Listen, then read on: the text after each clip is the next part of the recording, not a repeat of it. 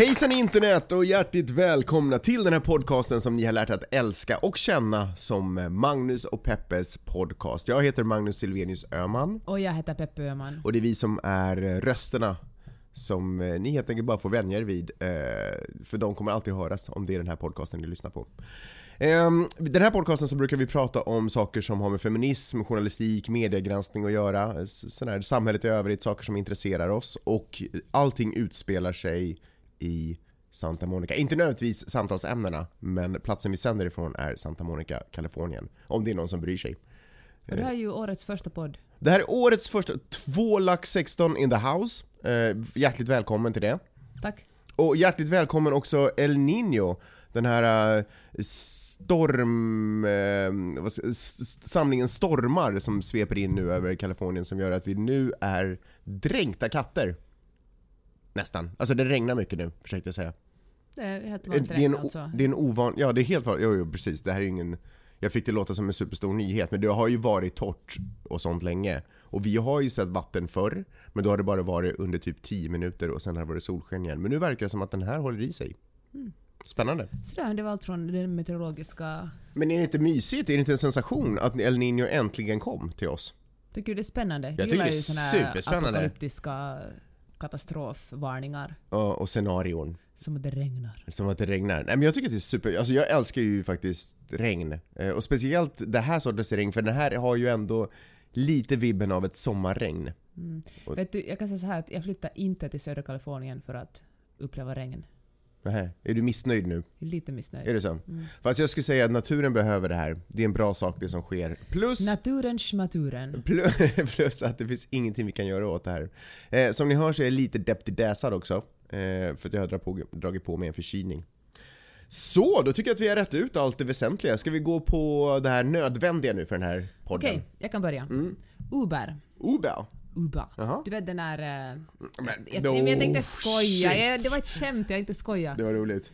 Men de eh, är ju väldigt populära här och de börjar vara ganska populära också i Finland och Sverige. Alltså, Får man säga att de är nödvändiga här? Jag tror man skulle säga det. Mm. Det var faktiskt en stor skillnad. Vi tog en taxi från LAX eftersom Uber inte får plocka upp folk på LAX. Då vi tog en taxi därifrån hit hem när vi anlände från Stockholm på nyårsafton. Och eh, Uber är ju bara sjukt mycket trevligare än att åka taxi. Mm. Och så behöver man inte betala, eller man måste betala i slutet men man, det liksom sker inga transaktioner. Eller de- är osynliga. Och det tycker man ju om. Att inte behöva se hur ens pengar åker iväg. Fan, i Finland, någon, så, tog vi, vi tog en taxi i något skede i Finland eller? Eller tog vi Nej. bara Uber? Vi tog, bara, nej, vi tog en taxi i Stockholm. Var det i Stockholm? Var, det där han sa att Uber är bara en fas? Ah, lyssna inte på det. Eh, Men jag för mig att en taxichaufför sa att Uber är en fas och då fick jag genast en flashback till typ kanske en... eh, Internet är bara en fas. Ja exakt, till en, till en gammal mormor eller något sånt som var sådär, internet är bara en fluga. Fast våra kompisar Janne och Ida-Lina som jag sa på här nu, de har ju gjort Airbnb för bilar som jag nu inte kommer ihåg vad den heter, den här servicen. Airbnb. Haha. Mm.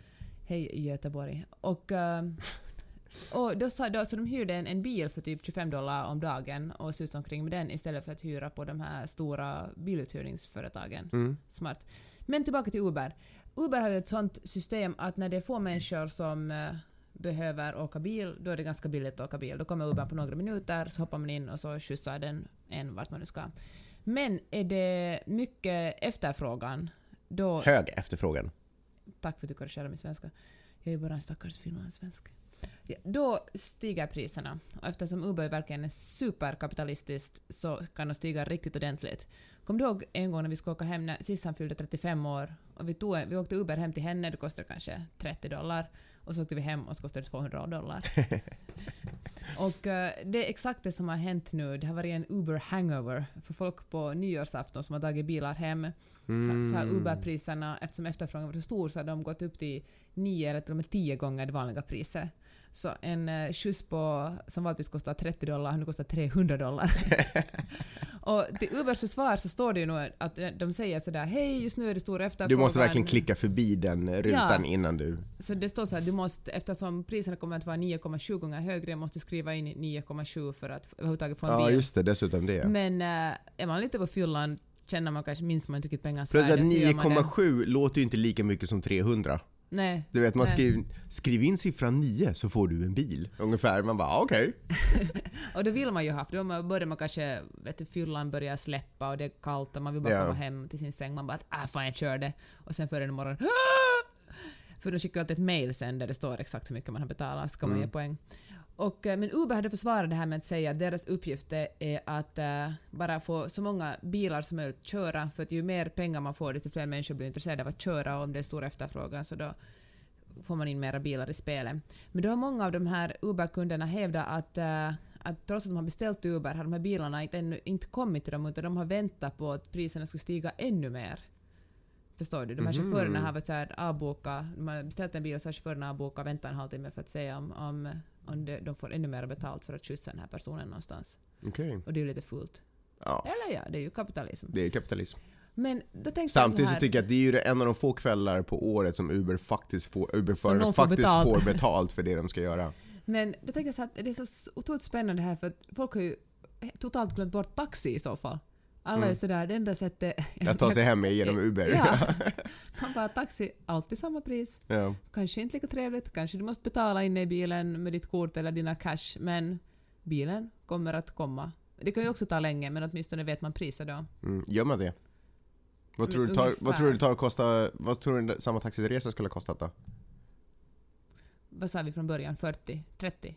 30 dollar. Jag säger att en Uber-resa som kostar 30 dollar kan kosta kanske 40 eller 50 taxidollar. Är det så? Inte mer? Jag tror, nej, det beror ju på. Väljer man Uber Pool, då blir det lite billigare. Mm. Men det är intressant, när man går in i ett mode då finns plötsligt inte den andra delen av världen kvar längre. Mycket intressant spaning Peppe. Sitt inte där och gnäll över 300 dollar, beställ en taxi då i så fall. Exakt. Mm. Hördu, sen vill jag säga en annan sak som inte alls har något med Uber att göra. Och det är att vi har fått, eh, vi har fått ris och ros för den här podcasten. Jaha. En, uh, en frilanskollega till mig, Lin, Lina, Alltså jag har läst så mycket om Nordkorea den senaste tiden så när du sa att vi har fått ris och ros så känner jag genast att vad har vi fått ris? Vad konstigt. vad gott, nu är Ja. egentligen mätta. Herregud, då kan vi äta en dag till. Okej, vi talar om Nordkorea sen. Vet du, jag ska säga det. Ja. Hon sa att hon tycker att innehållet är bra i den här podcasten men att vi svär lite onödigt mycket. För hon brukar lyssna på den med sina barn. Hon tycker att... Nej men vad i helvete. Jag skojar bara. Så vi ska tänka på det. Ja men det har hon kanske en bra point i. Man behöver inte svära i onödan. Fast jag hörde en, jag läste någon artikel och en undersökning som sa att om man svär mycket så tyder det på att man har ett gott ordförråd. Jag får inte riktigt ihop det Det där känns mina... tvärtom. Ja, men, men så här menar de att det, stod, det var massvis med så här rubriker, Buzzfeed och massa tog tillvara på det här typ och bara åh kolla, om du svär, fortsätt svära, det visar bara att du är duktig på att tala. Men är inte en typisk rewrite-artikel då, som någon släpper och sen skriver alla om den och sen Ja. tre dagar senare landar den i Finland eller tre veckor? Förlåt, nu måste jag dissa finsk journalistik. Det var Det helt onödigt. Ja, Helt superonödigt. onödigt. Jag tar tillbaka det där. Bra. Skäms du? Äh, nej. Men eh, en, en lik, det var någon, en journalist som gjorde en sån test som, eh, som ju, skrev en, en helt bullshit-artikel, där kommer bullshit, det är väl svordom. En helt, eh, en, en, en, skrev en text som, som, en, som skulle vara ett forskningsresultat som visar att om man äter choklad går man ner i vikt. Och så kunde man betala typ 50 dollar för att publicera den på någon slags här sida som man samlar ihop vetenskapliga artiklar på. Så hon satt dit den och sen började hon skicka ut pressmeddelanden i hela världen med rubriken att, eh, att choklad får dig att gå ner i vikt. Och läste man hela den och var pyttelite kritisk så märkte man att det här är bullshit. De har liksom testat det här på tre personer eller något sånt. Och, eh, men då hade den... Till, Alltså det får en att gå ner i vikt. Ja. Så de har testat det på typ tre jätte, jätte tjocka människor och så har de bara fått äta choklad och så Ja, har de gått ner lite i Men vikt. tanken var den bara att folk har så, journalister har så bråttom nu för tiden så ingen Mm. hinner dubbelkolla och det är ju en, för alla vill ju klicka på en sån rubrik också. Ett choko går ner i vikt. Alla vill, folk delar den på Facebook. Det här kanske är ett halvår sedan, några månader sedan.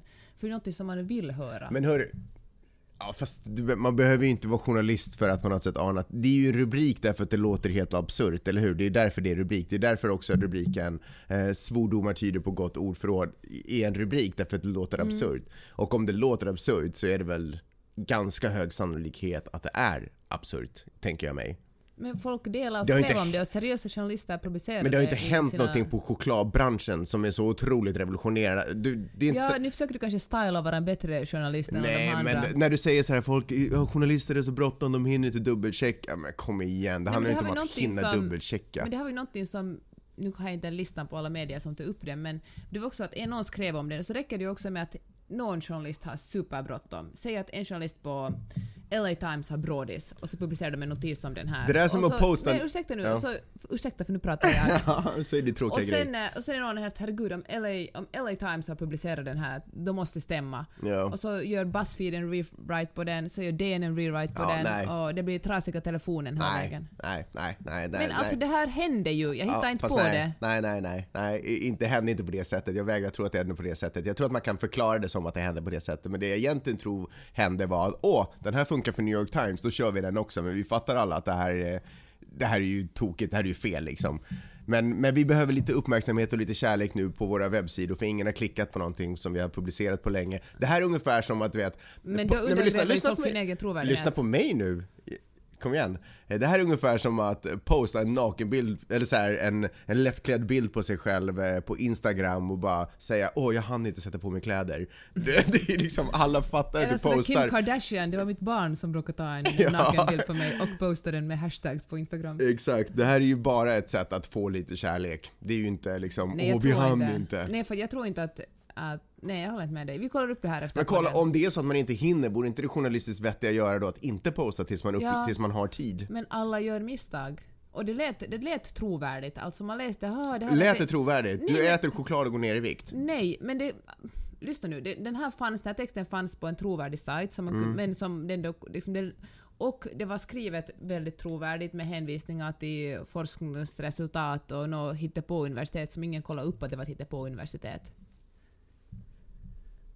Ja, fine. Kan vi tala om Nordkorea nu då? Okej, berätta. Nej, det är du som ska berätta. Det Ska jag berätta om. Nordkorea? Ja. Nej, men jag tycker det är fascinerande. Jag, jag tror att det började med att jag snubblade över en dokumentär som finns på Netflix som ni kan titta på som handlar om... Åh, herregud, varför hade jag inte namnet på det? Men det handlar om propaganda... Heter det inte typ propaganda? Ja, propaganda hit och propaganda dit. Skulle den kunna typ heta, fast den heter inte så. Ehm, som, som på sätt och vis är liksom... Det, jag skulle inte säga att det är en pos, den ger en positiv bild av Nordkorea, men åtminstone så ger den inte, så är det inte liksom eh, de flesta dokumentärer, eller när man läser om Nordkorea så tycker jag att det handlar om att ja men nu har någon avrättats på något vidrigt sätt eller nu äter folk varandra eller nu man får inte göra, man får bara ha den här sortens frisyr i Nordkorea eller du vet man får bara ha Kim Jong-Uns frisyr. Du vet att det är så här, Lite såhär löjleväckande. du vet sådär, choklad får dig att gå ner i vikt, nyheter ungefär, som på något sätt bara är sådär va? Det här låter helt crazy, men det är Nordkorea så jag kan se ungefär att det händer. Men den här var kanske lite mer um, öppen för, eller presenterade en öppen, eller försöker vara lite mer öppen för att allt kanske inte är tokigt i Nordkorea. Eller allting, eller snarare så här, allting vi läser och ser och hör om Nordkorea kanske inte nödvändigtvis är sant. Så då var det en spansk regissör som hade dragit dit och um, eller han hade fått kontakt med, tydligen så finns det alltså en, en europe i Nordkorea som jobbar för eh, den nordkoreanska staten. Eh, och han är spanjor själv. Så den här spanska regissören, som då alltså inte är samma person, hade fått kontakt med den här eh, ministern, eller ministerieanställda, byråkraten. Eh, och lyckas få en inbjudan med kameror och alltihop. Och det är ganska ovanligt att man får ta med sig filmkameror och dokumentera på det sättet.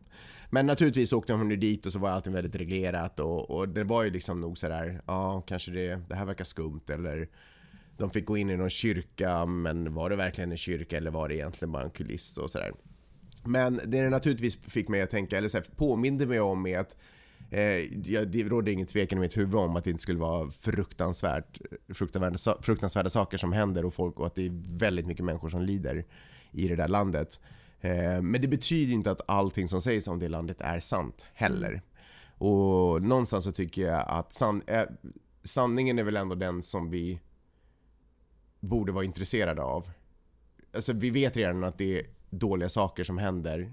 Så då kan man väl fokusera på sanningen kring de dåliga sakerna och inte överdriva för då blir det på något sätt så... Vem är det som Det är hetsar ju bara liksom. Ja men, eh, nå, nu vet ju inte jag egentligen vad som är sant i den här propagandan men jag tror att det kan vara viktigt att liksom dra öronen åt sig och lyssna. Är det, är det rimligt att, eh, att det är så att man bara får ha en viss frisyr? Alltså, och vad betyder det för oss? Är det liksom, för, all, för propaganda upplever jag används för att liksom på sätt och vis hetsa folk. Att man skapar en fiende. Och att hetsa mot andra människor tycker jag är superonödigt. Eh, Det kan jag inte riktigt se någon point med. Propaganda var ju ursprungligen före första världskriget var det exakt samma sak som eh, public relations, Ja, faktiskt. Ja, men är det inte så det är egentligen? Att propaganda egentligen är bara en information? Att Ja. man skulle kunna säga att public service ägnar sig åt propaganda Exakt. egentligen. Men så använder ju inte... Totalitära stater det kanske. nej, och ska vi vara helt ärliga, västvärldens propagandamaskineri mot jag menar, vi har ju sett propagandamaskineri som har lett till att det, folket helt plötsligt stödde invasioner av Irak och Mm. att, jag menar, propaganda förekommer ju på vår sida också Men så att sitter säga. du här och försvarar Nordkorea nu? Nej det gör jag absolut inte. Nej, nej, nej, nej. Det väckte det snarare ett intresse för Nordkorea. Vad, är, vad, vad finns det för sanningar där att ta till sig av? Och um, Nu kommer höjdpunkten. så slängde du en bok i ansiktet på mig. Eh, som heter Inget att avundas. Som var faktiskt super, superintressant var den. Eh, den handlar om eh, någon familj, eller ett gäng olika människor som, som eh, sist och slutligen också eller jag ska säga så här för att inte spoila för mycket. De försökte lämna, alla de här försökte i något skede lämna Nordkorea i slutet på 90-talet och början på 2000-talet.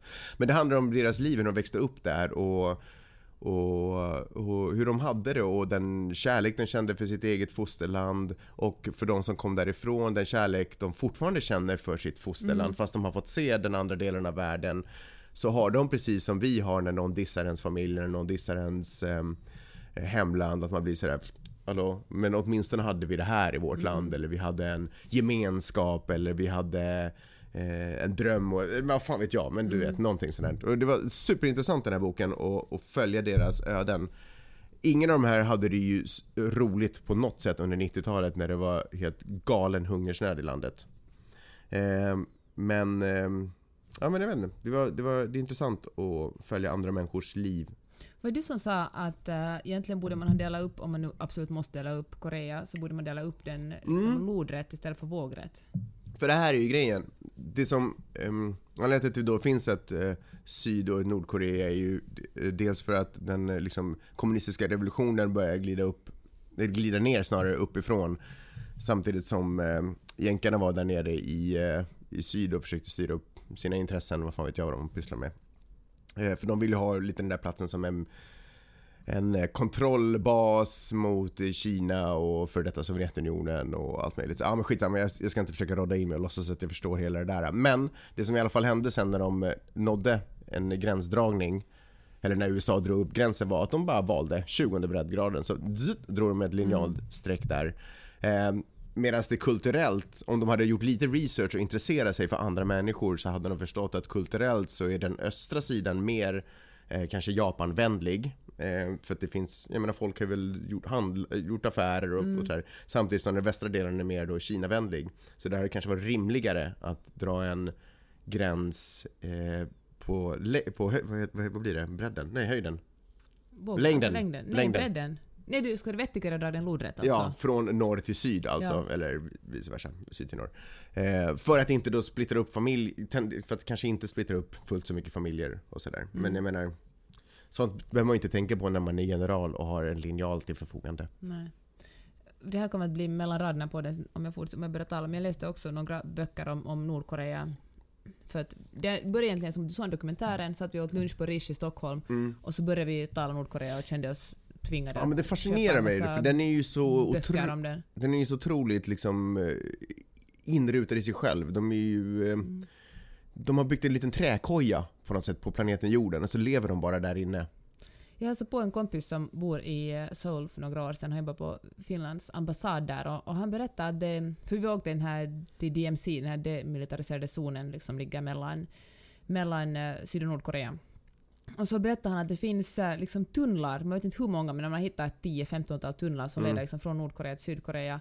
Och det är för att eh, Nordkorea när som helst ska kunna komma in i Sydkorea och Ja. starta. Alltså Nordkorea är väl typ, eller de är ju fortfarande i krig de här äh, länderna. ja, de har väl aldrig Intressant. skrivit på... eller Nej, det är därför de har den här demilitariserade zonen, att de, det är bara eld och upphör egentligen.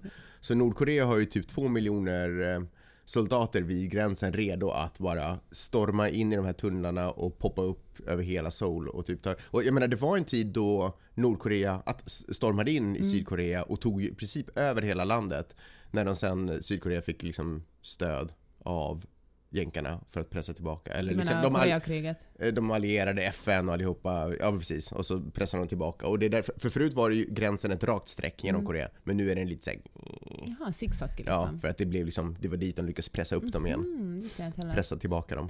Det som jag läste i en bok var det att, att man tydligen fortfarande, de som flyr från Nordkorea till Sydkorea har ju såklart ganska svårt i början att anpassa sig eftersom de inte vet hur ett kapitalistiskt internetsamhälle fungerar. Mm. Men också att eh, de blev mer vänligt emottagna i början, men nu flyr det så otroligt många så nu börjar många sydkoreaner tycka att det är lite av ett problem och att man är lite blir behandlad som en lite så andra klassens eh, medborgare Mm. om man om man är nordkorean och kommer till Sydkorea. Det är mycket lättare för dem som eh, liksom hade släkt på sydkoreanska sidan. För de har ju folk att på något sätt vända sig till. Det är roligt för den här boken beskriver bland annat eh, Det var skrivet en, skriven en journalist va? Eh, Ja precis, en tjej som faktiskt jobbar på LA Times. Eller en Som, kvinna kanske? eh, ja, en kvinna som jobbar på LA Times, alltså Barbara. Eh, som eh, var stationerad där nere för att bevaka Korea. Och- I, var hon stationerad? I Jag- Nordkorea jag, då? nej, jag, nej, nej, nej, det är hon förstås inte. Nej, nej, nej. Hon är antingen stationerad i Seoul eller i Hongkong. Potato potato. Ja, potato potato, vilket fall som helst. Nej, men så den är skriven henne, den är liksom baserad på intervjuer hon har gjort med eh, koreaner, både syd och nordkoreaner i de senaste typ sju åren. Mm. Ja, nu kom den här i och för sig ut 2011 så det blir sju år bak från det. Men eh, så hon, det hon gjorde bland annat var, och det är ju superfascinerande, hon har ju förstås varit inne i Nordkorea några gånger då på sådär turistvisum och, och tittat och försökt se saker för sig själv. Men hon har också varit uppe vid de här, um, vid den kinesiska gränsen där uppe i nordvästra Korea, Nord, Nordkorea. Mm. Och, ehm, och pratat med folk som liksom just har typ vadat över eh, sådär och så har hon bara Hej tja, läget? Jag ser att du kommer här simmandes. Eh, Jag har några frågor att ställa dig. du vet, det låter helt absurt. Du vet, folk är livrädda och det verkar helt... Alltså, Men hon talar då koreanska? jag misstänker att de måste nästan göra det. Eh, Det framkom inte. Jag satt faktiskt och funderade på det när jag läste boken. För de pratar ju inget annat språk.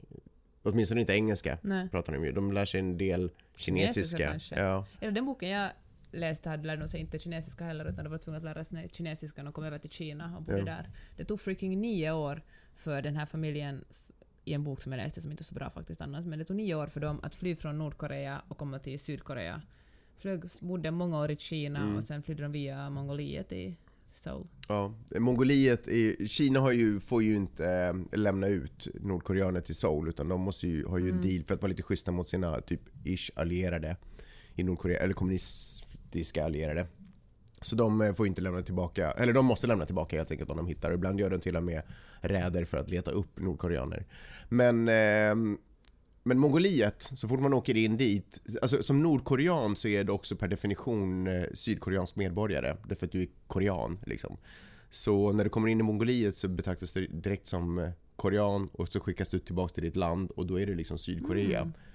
För de har inget intresse av att skicka folk till Nordkorea. I den boken som jag läste kom hon, fan nu kommer jag inte ihåg, jag tror början på 2000-talet hon kom, så hon kom före. Det måste ha varit någon boom i mitten på 2000-talet för den boken jag läste slutade också. Nej fan, slut, den, den kom 2011 i alla fall. Men då åkte man in på så här, ett, ett sånt läger där man fick lära sig hur posten fungerar, hur det är att köpa mat, hur det är att gå på restaurang. I tre veckor så fick man sitta liksom och öva på sådana här vanliga saker som man inte hade gjort i Nordkorea. Och uh, också blev man också förhörd, eller för det här blev man Mm. förhörd, jätte, var det också flera veckor långa förhör där man fick För att man inte ska vara spion och Ja. sådär. Och så ville de ju veta allting om Kor- Nordkorea förstås som de kunde Ja. få reda på. Ja men Ja, superspännande. Det finns en jättefin, jätte... eh, Alltså... Människor kan ju leva i alla sorters världar. Liksom, och man är, ju- någonstans är de alltid bara människor. Det finns en fin berättelse om en flicka och en pojke som förälskar sig i varandra. Lite Romeo och Julia grejer. Han kommer från en finare ett och hon kommer från en, från en eh, sämre ett. Eller vad man ska kalla det för. Eh, Det vill säga hans pappa hade dött i kriget och därför hade han, fanns det jättemycket ära i hans familj och hennes pappa hade blivit fångatagen från Sydkorea så han var, tillhörde egentligen den andra sidan. Och därför så var hennes eh, familj inte av finare börd. Vilket fall som helst, de här barnen hade förälskat sig i varandra. Och an eftersom eh, eh, Sovjetunionen utvecklades och föll under 90-talet och Kina kände att de ville börja lite mer kapitalisera när Mao dog och du vet och och blev lite nytstyre och de försökte öppna upp för mer business och sådär för de insåg att privatekonomi inte, eller gynnar dem. Eh, så så slutade de och, och, och Nordkorea blev lite av ett problem för de här enorma länderna. Så slutade de att eh, liksom exportera bränsle till eh, gratis bränsle som de i princip hade gjort innan för att supporta den kommunistiska kampen och nu kände de att de istället kunde sälja det till andra platser och få pengar för det här. Så elektricitet och allting sånt börjar ju dö sakta men säkert i Nordkorea. Men det som hände var att det var egentligen räddningen för det här eh, förälskade paret. Därför att de, det fanns ingen chans att de hade kunnat setts tillsammans pratandes någonstans. Men eftersom det konstant var mörkt i Nordkorea så kunde de liksom smyga ut och träffas i mörkret och ta skydd av mörkret. Så på något sätt all den här katastrof, eller du vet det här fruktansvärda läget så sen också började naturligtvis påverka hur mycket mat som finns och för de kunde inte, utan elektricitet kunde de inte tillverka någonting. Och sen så började liksom allting bara fallera och dö ut och, och folk dog som flugor. Eh, av svält. Eh, men, eh, nej, men, men, ändå så blev det på något sätt All, hela den här misären blev liksom en liten räddning för deras kärlek och deras, mm. den enda möjligheten att tack vare det så hade de möjlighet att umgås och utveckla sin kärlek. Så det, jag tycker det är så fascinerande hur det alltid någonstans finns liv i all död och all misär och alltihopa. Vill Crazy. Du se, vill du säga vad den heter nu ifall någon vill läsa den? Eh, vardagsliv i Nordkorea. Inget, nej förlåt, Inget att avundas heter den. Eh, vardagsliv i Nordkorea. Skriven av Barbara Demick en, det är en gripande och inte så lite skrämmande livsöden som Barbara Demick skickligt lyfter fram ur glömskan, skriver Sveriges, Svenska Dagbladet. Mm. Det! Nordkorea, men nu får man, de har ju öppnat upp gränserna lite mer. Så nu får man ju åka dit och, och hälsa på och titta på. Skulle du vara intresserad? Mm, absolut. Skulle du det? Ja. Lite du, läskigt Ja, jag tänkte ju säga, vi snackade om det tidigare, det var så här, fan det låter lite skrämmande. Mm. Är du rädd att bli kidnappad? Men nu vill jag låta tuff inför våra poddlyssnare. är du rädd att bli kidnappad? Ja, och aldrig komma ut därifrån. Jag läste en annan bok som heter Alla monster måste dö för några år sedan som handlar om eh, hur eh, nordkoreanska regimen kidnappade två stycken eh, sydkoreanska filmregissörer och höll dem fångar i fem år och ville bara att de skulle göra filmer. Och uh, hur man byggde upp, istället för att använda kulisser kunde man bygga upp hela städer liksom, mm. som fick symbolisera det som hände i filmen. Och de lyckades sen, jag tror de var fem eller sex. Det där måste ju vara på 80-talet. Ja, ja. ja på 80-talet. För då fanns det fortfarande liksom liv och hopp där. Ja. Och Kim Jong... Kim Jong... Kim ja. Il-Sung? Kim Jong-Sung? Ja, skitsamma. Han, den här snubben som är ledare där nu, hans farsa. Kim Jong-Il. Kim Jong-Il. Ja, just det. Uh. Kim Il-Sung var den första ja. revolutionären. Ja, just det. Okej, okay, så so anyway. Så, eh, så den här nuvarande dudens farsa, han älskade ju film. Ja. Och han hade sett, han hade skrivit till och med en bok typ och om eh, hur kraftigt film är, vilket kraftigt mm, verktyg film mm. är för att påverka människor och hålla dem på den rätta vägen då förstås i hans fall. Ja, anyway, så, ja. Okay, så då kidnappade han typ två duder? Två stycken som bara fick... Nej, för det var ett par som i och för sig hade skilt sig, men den ena kopierade... Dubbel minus. Ja, verkligen. Och så hölls de fångar och uh, Ja, och fick jag producera film. Sen gick de, fick de tillåtelse att åka på en filmfestival till Österrike tror jag och då flydde de till amerikanska ambassaden och mm. kom ut på så sätt. Men det var, den boken heter Alla monster måste dö. Det här var som en parallell historia som handlar, och en annan historia i den här boken handlar om en turistresa som går genom, går genom eh, Nordkorea. Mm. Som, en sån som du talar om. Spännande. Spännande, spännande. Det är om Nordkorea. Lite tacksam är man ju att man inte, att man, vilket, det livet man har. Mm. Det är ju sjukt. Vi har ju alltid behövt gömma oss i mörker. Mm -mm. Fast vi har ändå gjort det. Men vi hade inte behövt. Mm. Okej. Okay. okay. Hörru, jag läste att Dolce Gabbana har börjat göra uh, en hijab-kollektion. Alltså, som ett konstnärligt uttryck eller som en seriös? Nej, som en seriös uh, kollektion. Okay. Och att de är de första så lyxmärken som gör lyx-hijabs, skriver okay. uh, Cosmopolitan. Och uh, jag tycker det är superintressant och uh, coolt det här för att uh, nu jag, måste jag börja säga att jag är verkligen ingen expert på, på niqab och hijab och burka och uh, ayaba, heter det så? Holy crap, du och, låter som värsta experten. Jag kunde inte säga, jag kunde säga burka. burka. Och hijab kunde ja. jag säga. Men då tänker jag så här, för det, det är säkert lätt... Okej, okay, så här tänker jag. I, nu tror jag att man i Frankrike, att det fortfarande i Frankrike är förbjudet att använda hijab, att använda slöja. Och åtminstone, när man jobbar, åtminstone i skolor om man jobbar på... Liksom, Får man alltså inte ha sjal på huvudet där? Nej. Inte ens som en eh, fransk gammal nucka? Eller om man åker i en öppen bil och vet, en cabriolet och vinden. Man får man inte ha sjal då? Ja, jag tror att man får ha det då. Okay. Men att om man jobbar på Men man får inte samtidigt ha mörka ögonbryn? Ja, typ ja. Och, eh, och så tänkte jag på det här, för, för ett år sedan hälsade jag på Viddes gummor som bor i Dubai och eh, där visar hon, där har ju folk också så svart, svarta långa Ayaba, heter det ay, Fan nu säger det fel där. Ay nånting. Ayaba, ay... I alla fall, inte. superpinsamt att kolla upp det, jag bara pratar, upp, pratar om. Men det var folk i alla fall, det var liksom, man tänkte, några har liksom bara ögonen men de flesta har ansikte fritt och så. Jag antar att det här är också medelklassen som är lite annorlunda ute på landet men då är folk liksom väldigt sminkade och deras, fast de har svarta slöjor och, och så här långa klänningar så är de ofta, vissa har diamanter på sig, och andra har snygga broderier och de är olika nyanser av, av, av eh, svart och man ser liksom verkligen att det är en, en sorts modeaccessoar.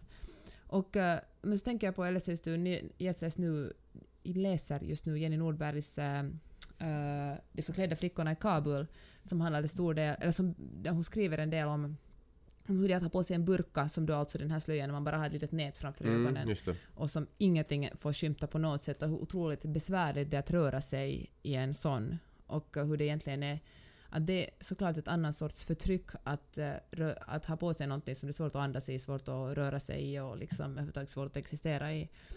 Och då tänker jag att nu när Dolce och Gabbana gör en sån här kollektion med hijab som alltså bara är en, en duk runt huvudet, inte som inte täcker ansiktet, Mm. hur de visar att alla slöjor inte är likadana, utan det finns slöjor som handlar om kultur och mode och trender Mm. och det finns slöjor som är förtryckande. Förstår du? Ja, som, som är rent kvinnoförtryck. Men nu kanske... Du menar att det finns inte en chans på den här planeten att de skulle komma ut med en burka-modell? Nej, verkligen inte. Nej. Och jag menar att jag kan föreställa mig, eller vi jag talade om det här med en kompis i Stockholm som sa att hon tycker att ingen ska, ska ha slöja i Stockholm heller som stödjer den här liksom, eh, Frankrike-strategin eller vad man ska säga, lagen. Och då tänker jag att, att hur vi i eh, Europa kanske på många håll blandar ihop förtryck med kultur och vi tror på något sätt att vår egen kultur är den eh, vår egen kultur och vår egen feminism på något sätt är den enda rätta och vi har bara inte liksom kunskap, tillräckligt mycket kunskap för att förstå att eh, en slöja är inte bara en slöja, det kan vara mycket annat. Mm. Jag hör dig. Och då Det- tänker jag så här, Dolce Gabbana genom att göra en, en sån här superlyxig liksom, kollektion, kanske de tar ett steg i rätt riktning och visar att det här är inget kvinnoförtryck. Eller det här är inte mer kvinnoförtryck än bikini. Nej. Va? Varför är det kvinnoförtryck? Nej men sådär som kvinnor sexualiseras något oerhört. Hmm. I bikini? Vad är alternativet? Vad skulle vara en osexualiserande badkostym? Nej men det beror på hur man har på den. Jag menar det att kvinnors kroppar hela tiden betraktas och liksom kvinnor ska vara sexiga. Jag vet inte om det är liksom feminismens... Det, det har liksom ingenting med feminism att göra, det är ju också en sorts förtryck. Att hela tiden bli bedömd på grund av sin kropp. Shit vilken, ehm, vilken ögonöppning. Jag hade inte tänkt på det på det sättet. Alltså jag har ju insett, eller jag har förstått det du, det du egentligen just sa, men jag har inte förstått att det är egentligen, det är ju samma, det är ju samma sak som att ha en eh, hijab eller något sånt. Fast det är bara liksom, Motsatt sätt. ja de, de berättar olika saker men det är samma, det är, båda är exempel på kulturella, ehm, vad heter det? Ehm, kulturella accessoarer, liksom, eh, accessoarer som kvinnor förväntas ha. Mm. Hmm. Interesting. Ja. Ser du? Så, Så kanske Dolce Gabbana har gjort eh, dagens feministiska... eh, herregud, hur kan det vara så här svårt att hitta på ord? Det är för att vi inte. får svära i den här podden. Ja, det, exakt. Det kan vara så. Skulle du kunna tänka dig att ha på en sån där nu när de har kommit ut och är lite styliga? Fast då känner jag att det kanske är lite... För att det ser faktiskt ganska snyggt ut om, alltså, om du frågar mig. Ja, fast det känns kanske, kanske som kulturell appropriering då igen. Aha. Att nu, Fan, nu inte- passar det nog att ha slöja på när Dolce Gabbana gör en Ja. kollektion. Det är inte lätt att vara rik och vit. Man får Nej. hela tiden balansera på den här gränsen mellan Gela. kulturell appropriering och förtryck och, och ändå vara sig själv och, och, och inte ha, vara vinklippt. Mm. Sen måste jag säga att alla de här kvinnorna i den här reklamen är vita faktiskt. Hur vet du det? Men för att man ser deras ansikten, de är ju vita. Eller så är de bara photoshoppade väldigt vita i ansiktet. Ja, men det finns ju... Ja, de är ju ljusa. Det är de. Mm. Ja, och det var det vi hade bjudit på den här veckan. Nej, nej, nej. Magnus, Magnus. Berätta då. Jag har en grej till. Jag läste en grej om eh, hur alla drömmer om att göra en app Mhm. Det, fort, det fortfarande lever den här att man ska kunna göra här appen. Okej, vad ska man med en app till då? Och vad är det för typ av app man drömmer om att göra? Man drömmer om den Ett spel. appen som, vare sig det är ett spel eller ett Mm. Instagram eller någonting som folk öppnar, det är det första de gör, de öppnar det varje morgon och återkommer till flera gånger om dagen. Drömmen om att tjäna miljoner genom att ha uppfunnit appen? Ja, precis. Och, eh, och då, då, liksom alla, då forskas såklart jättemycket i vad, vill, vad använder folk för appar, vad liksom, och folk använder ganska få appar. Liksom, man har väl 25 stycken appar i medlemsapp på sin telefon, så det låter ganska mycket. Men så använder man i alla fall en bråkdel Ja, av de här. fett mycket appar. Ja. Kanske, I alla fall, så läste jag en intervju med, med, med unga tonåringar faktiskt här i Santa Monica och man frågade dem att hur använder de Instagram? Mm. Och eh, då berättade de att eh, mång, många av dem publicerar bara högst en bild i veckan. För att de vill inte klogga varandras flöden. Mhm. Och eh, att använda hashtags är bara desperat och needy. så, så det kan jag nog också känna faktiskt. Och att, Nej men man eh, får ju använda två, tre hashtags för att sortera typ sina egna bilder. mhm, mhm. och att, eh, att använda filter är tacky. Ja, nej men det stämmer. Ja. Och, och sen, det här, det här, det här, allt det här har jag läst någon gång förut, men att många av dem tar också bort bilder från sin... eh, De tar bort bilder, så när man går och kollar på deras profiler så har de bara en handfull bilder där. Mhm. De rensar liksom Ja. mellan För att hålla sig fräscha så att det inte finns Exakt. någon gammal... Eh, Någon gammal töntig bild eller men något. herregud. Ska man. Vilket jobb alltså! Ja, shit. Vad, har Ja. du, vad har du för Instagram-strategi? Ehm, bra fråga. Jag tror att jag vacklar. Jag känner att jag inte är född, jag är inte uppvuxen med Instagram kan jag känna. Jag vacklar jättehårt. Jag försöker styla med mina fotograferingsskills och jag försöker använda det parallellt Ah, som... det är ju också förbjudet att ta ett foto och vanligt foto och göra det på Instagram. Man måste ta bilder med sin kamera. Ja, ja, ja. ja men Alltså sin, sin telefon menar jag. Man måste ta bilden med sin telefon. Ja, annars är det fusk.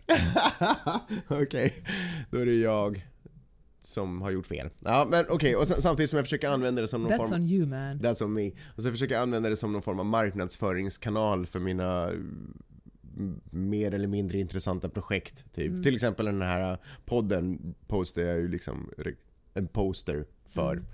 Fast de tycker jag är ganska fina faktiskt. Och sen så försöker jag också naturligtvis använda det som en marknadsföringskanal. På sätt och vis försöker jag använda det på ett underligt sätt, på ett litet anti-sätt, försöker jag använda det som en marknadsföringskanal för hur jag vill profilera mig själv. Så jag kan liksom posta vissa bilder som jag vill att folk ska se mig i, i de miljöer som jag vill att Mm. folk ska se mig i. Men, men lustigt nog så, jag brukar inte posta om jag, det här låter ju skitkonstigt, och det är inte så här, men om jag träffar någon som är så här: holy crap, det här skulle vara en instabild. Så då tar inte jag den bilden, nästan. Det är som att jag har någon så här. mina bilder ska vara lite average. För att folk inte ska kunna säga till mig att, ja men, ja, för det, det man säger om Instagram är ju så här, ja men det är alltid det bästa i folks liv och du vet, det är det flashigaste och alltihopa. Men jag vill ha den här nivån av flash kvar som inte syns på Insta. Mhm. Hajar du? Att det, det ser bra ut, men det är inte toppen. Ah, så det finns alltså det, finns, ännu mer, there's det more. there's more. Men hör du, skäms du någon gång om du bara om du lägger upp bilder, det har varit liksom, du, du, är på du är i Stockholm och du träffar folk och kompisar som har jättemycket följare. Mm. Och så lägger du upp mer bilder när du är med dem än när du lägger upp bilder med dina kompisar som Fast inte har jättemycket Det är följare. ju exakt det jag inte gör. Där kommer, för det där är det extra flashet som bara finns Mm. i mitt liv, som inte postas. Fan, det låter ju superdrygt. Men, men bara så ni vet, det finns mer flash. Det är faktiskt jätteäckligt Magnus. Men det känns bra för mig, för jag verkligen, för jag tror att jag började med Insta, då var det ju verkligen så, då ville man ju visa det bästa, highlightsen från sitt liv. Träffade man någon som var cool eller känd eller du vet, som man ville imponera på Ja. eller som man blev imponerad av, så tog, man en bild, så tog jag en bild med den personen. Men, eh, men sen när det blev så tydligt att det är exakt Fast det alla när gör. du intervjuade Alex Schulman, plopp. Jo, men där kan jag också känna, det är sant, men jag tog den också i marknadsföring för, marknadsföringssyfte för att jag jo- gjorde en grej med honom. Om jag och Alex Schulman bara hade chillaxat på stället, och då hade jag nog kanske inte tagit en Insta med honom. Okej. Hör du, jag kan erkänna att jag var, när, vi, när vi var med i Bra Snack och sen gick vi hem och Du bara, s- "Damn jag bara nej, vi tog ingen bild av Anna Ja. och Nille och Kristoffer. Men det kände jag också, återigen, i lite mer i marknadsföringssyfte. Mm, För att vi gjorde en produkt där också. mm, sant. Okej, det var nu faktiskt bara det jag ville fråga dig om, din eh, Instagram-strategi. Mm. Vad är din Instagram-strategi då? Mm, jag försöker... Visar du alltid, när man tittar på din Insta, är det det flashigaste eller det flashigaste i ditt liv? Nej. Det är ganska långt det. Okej, Jo. fine, det är det. Det finns inget mer. Nej. Det är faktiskt allt jag har. Och det är ju såklart förskönat då. Men, eh, men jag vill liksom att den ska se fin ut, den här. Du vet man går in på någons profil och så tittar Mm, ja. på alla bilder. Jag vill att det ska se snyggt ut där. Ja, för det kan jag faktiskt, jag har tänkt på det där att när jag går in på min egen profil, att du vet, ja, som precis som du säger, att vissa har sin grej, en, Ja. en stil du vet, och alla bilder faller ganska snyggt Mm. in under. Min ser ut som ett jäkla lapptäcke som en blind människa har sytt ihop. Det är liksom, Ja, det vill jag inte ha. nej, nej det är ett problem. Kanske jag måste börja ta de här Santa Monica kidsens råd och börja rensa lite i min eh. Nej, det tycker jag inte Varför du då? gör. Det är, som, det är som att ha en gammal tatuering som man tycker är ganska ful men du har kvar den. För Det är inte alls, av man kan inte ta bort historia. en gammal tatuering Visst utan att, man utan att det gör ont och kostar mycket pengar. Ja. Men så är livet ibland, Magnus. Eller är det som att ha en gammal dagbok, man går inte och rensar i dagboken? Nej. Är det det? Du måste stå för det du har gjort. Jo, men jag står ju man för det, men jag så här, tänkte Du var att... kanske en annan person i november 2015. Ja, du men- måste älska Magnus Jo, men november det... 2015 också, eller 2013. Jag har ingenting emot Magnus 2013, tror jag i alla fall, inte som jag kan erinra mig. Men det jag menar är att om jag inte får gå in och rensa så tillåter det inte mig heller att utvecklas och skapa den här enhetliga grejen som är det nya i mitt liv. Men då kan du tänka så här att eftersom man inte ser, du kan tänka att du börjar på det nu och så bara gå... Anyway, superointressant för hur vi tänker. Var det här allting vi hade bjudit Ja, på den här Magnus, det veckan? var det. Peppe. Fult att du bara avbröt mig sådär. Ja men du bara springer runt i cirklar. Superbra Pe- Det jag fick ut av den här podcasten den här veckan var att det finns en röd tråd mellan västerländsk bikini och österländsk jihab. Mm. Jihab? Hijab. Hijab, Jesus. Jihad, sa du så? Det Nej, nej men jag sa såhär jihab. Jag försökte få det till en uh, jihab. Ja, skitsamma. Nej, hajib. Hijab. Hijab. Nej men herregud. Herregud. Tänk om vi hade en podd där vi klippte, så vi klippte. Tack för att ni har lyssnat den här veckan. Tack så hemskt mycket för att ni har hängt med oss hela förra året och jag hoppas att ni hänger med oss också det här året. Första avsnittet, what up? Det är helt sjukt. Eh, gå jättegärna in och skriv en snäll recension på iTunes, du vet, likea, dela med er, sprid kärleken och... Gott nytt år! Gott nytt år!